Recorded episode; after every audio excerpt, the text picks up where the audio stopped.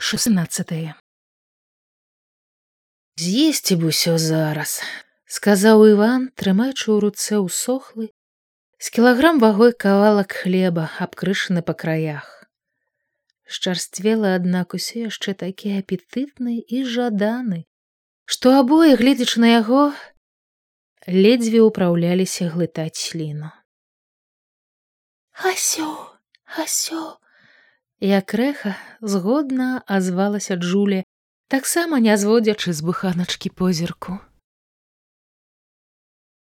Івану каротенька нерашучасці зірнуў па-над яе галавой на далёкі заснежаны хрыбет і ўздыхнуў: Не, усё нельга. Нельга, ну. Но. Яна зразумела і таксама ўздыхнула. А Іван разаслаў у долю скуранку і паклаў на яе гэтую іх болей чым малую рэштку прыпасу. Трэба было зрабіць немалаважнае адмераць пароўну дзве пайкі і прытым найменш раскрышыць, бо без ножа разрэзаць не было чым. І ён старанна разломваў хлеб, раскладваючы кавалачкі на дзве часткі і ўвесь час адчуваючы побач галодную нястрыманасць Джуліі. У душы яго ўсё бруіла новае пачуццё да яе. Нешта не то братняе, не то бацькоўскае. Добрае і вялікае яно поўніла яго спагадаю да яе. Такое па-дзіцячае непрызвычайнай да вялікіх нягод вайны, і такой бяздумна рашучай у сваім амаль што падсвядомым не быў птушкі імкненне даволі. Хлопец засяроджана дзяліў. Кожная скарыначка, кожная крошка ўзважвалася іх пільнымі позіркамі. І ён знарок паклаў адну кучку болей. Не так хлеба, як скарынак, разам з акрайцам гэта паводле лагернага разумення было значна каштоўней, чымсьці аднолькавы павазе кавалак мякішу. Калі ўсё было раздзелена, рэштку грамаў на 200 Іван запхаў у кішэню скуранкі. Гэта табе, гэта мне, сказаў ён проста, без традыцыйнага рытуалу дзеляжу і пасунуў ёй кавалак за крайкам.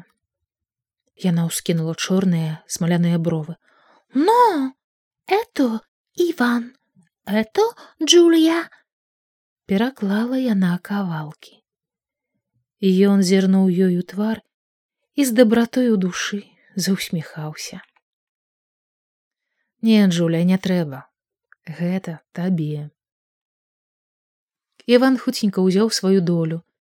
Джулія падазрона зірнула на яго паморшчылася і раптам спрытна сунула адну скарыначку ў яго руки Ён з карынкаю зараз жа падаўся да дзяўчыны, але тая, смеючыся, паспешліва адхінулася, ускінула руки з пайкаю, каб ён не дастаў. Хлопец з гарэзнай упартасцю памкнуўся болей, Яна выгнулася, дакранулася да яго бока грудзямі і каб утрымацца, схапілася за яго плячо. Смех яе раптам абарваўся. Нечаканая блізасць гэта, незразумелай няёмкасцю казытнула яго. Прыцяўшы ў сабе новае неўсвядомленае яшчэ жаданне ён адразу адхіснуўся ад яе і сеў на бок скуранкі яна ж гарэзна нібы дзяўчынка усмешыста зыркаючы на яго з-пад брывоў прыкусіла губу і паправіла на грудзях куртку.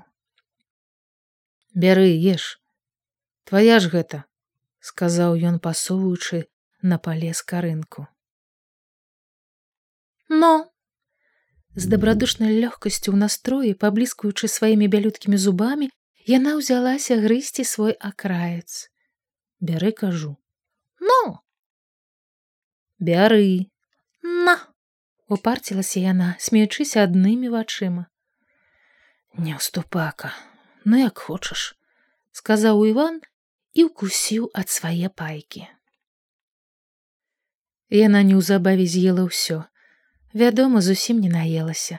і тайком пазірала на адтапыраную кішэню курткі. Іван нетаропка, з расцягненай асалодай жаваў, пракмячаў усе яе позіркі і спакваля пачаў думаць, ці не з'есці ўсё. Што там за наедак з гэтых грамаў другім разам? Цяпер жа яно было б куды як добра. Але намаганнем волі ён усё ж адагнаў гэтыя думкі, бо занадта ведаў цану нават і такому мізэрнаму кавалачку, як гэты.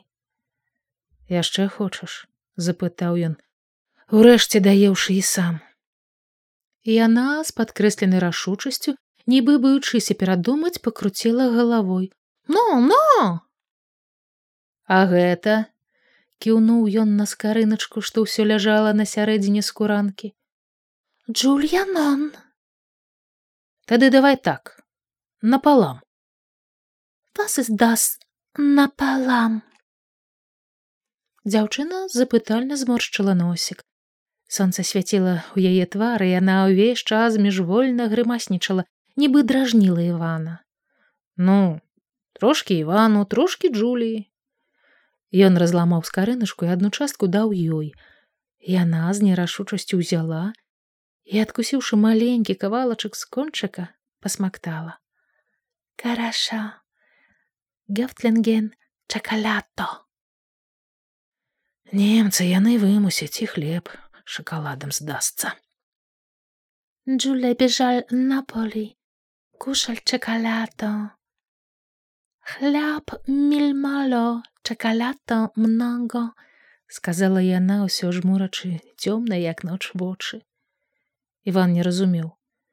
Бегла ў неапаль си рома бежаль батіка бежаль ад бацькі? Чаму? А уна една історій. Неахвотна адазвалася яна яшчэ адкусіла маленькі кавалачак і пасмактала яго.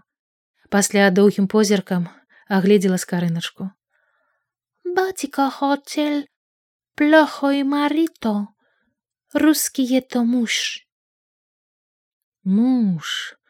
Яна была замужам гэтая вестка нечаканую паныласцю ударыла ў яго свядомасць і дзяўчына невядома чаму раптам стала непрыемнай і нежаданай яна мабыць адчула тое рухавымі вачыма наўскуз зыркнула ў яго раптоўна апанураны твар і усміхнулася. Нон марито сеньор дзангарыні не бельмуж джуля не хацель сеньор дзангарыні усё яшчэ панылы иван запытаў. А чаму ты не хацела? О то біль он секретто які сакрэт Яна, кідаючы гарэзныя са смяшынкамі позіркі то па баках, то скоса на яго, смактала скарыначку, а ён сядзеў, таропіўшыся ў дол і драў з карэннем клотча травы. О секрето, маленько секрето. Джулия любил, любил, как это руско, уно джовиното Марио.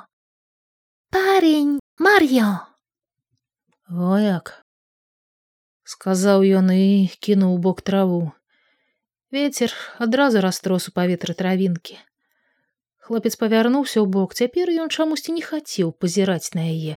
Ён толькі панура слухаў. А яна нібы не адчуваючы гэтай яго перамены казала хорошо бель парень джулия браль пістолле бежаль марья на полі Napoli guerra. Wojna. Italiano schissen Deutsch. Julia schissen. Яна ўздыхнула. Partigiano italiano bil malo. Deutsch много. Много итальяно убивал. Много концлагер. Джулия концлагер. Очень плохо концлагер. Што супраць немцаў ваявалі? з невясёлай зацікаўленасцю здагадаўся иван. Си так! Во стрымана здзівіўся ён і запытаў а дзе ж твой марыо І яна адказала не адразу. Падабраўшы да грудзей калені, ашчаперыла цыбатыя свае галёнкі і, паклаўшы на іх падбародак, паглядзела ўдалячынь. Мар'яфу учізо. Забілі? Сі. Абое помаўчалі. Івану чамусь разам палягчэла, нібы мінула якая непрыемнасць. Ён зірнуў на яе, і яна з сур'ёзнасцю вытрымала гэты позірк, трошкі засмучаныя ў глыбіні яе вочы пад яго поглядам сталі у вучавіткі цяплець. Каротенькі сум растаяў, і яна засмяялася. Почему Иван смотри, смотри? Так? Что есть так? Так ёсць так. Пайшлі ў трыезд. О, Триесте! Лёгенька падхапілася яна стравы.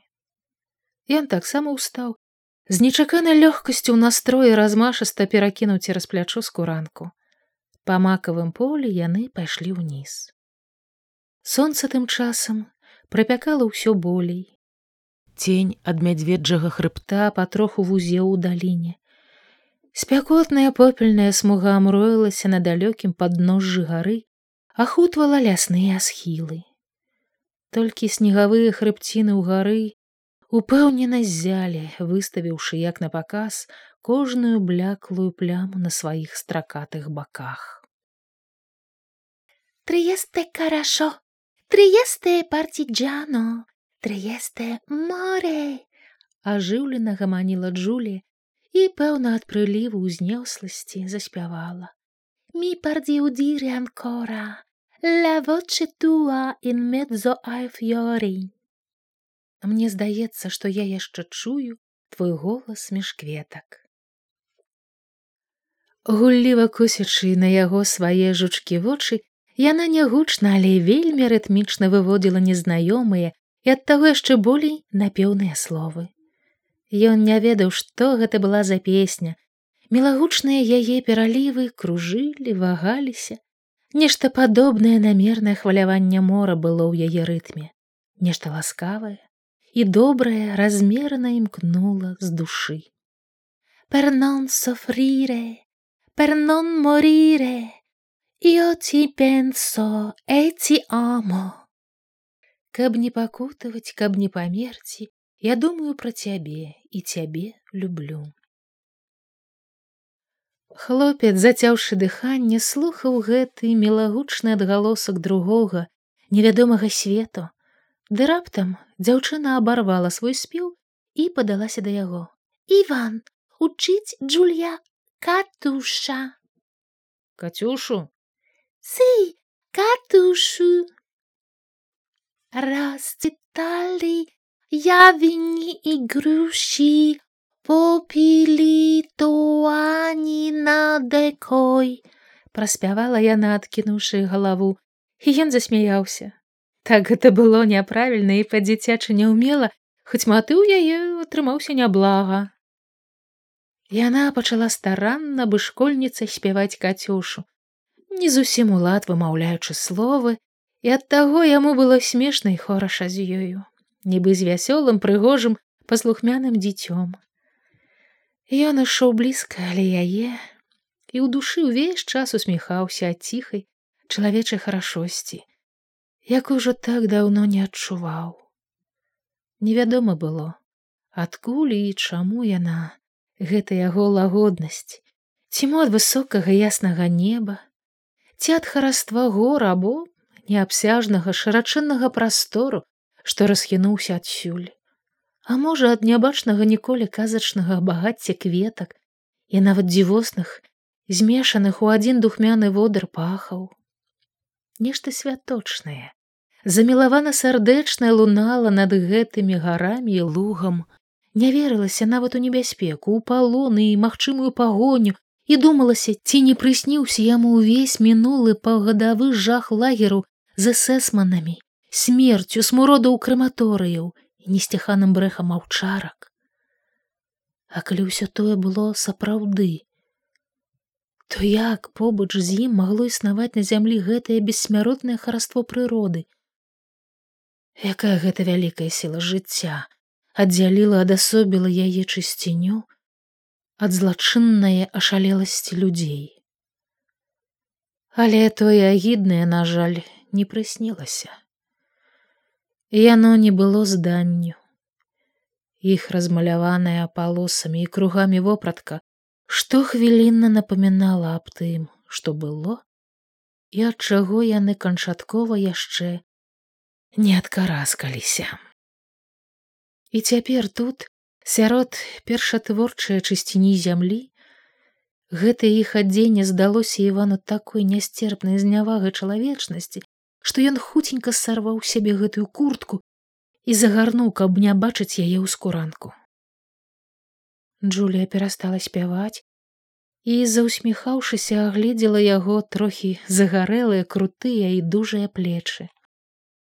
О герколе геркулес руса геркулес які геркулес дахадзяга запярэчыў иван ну но геркулес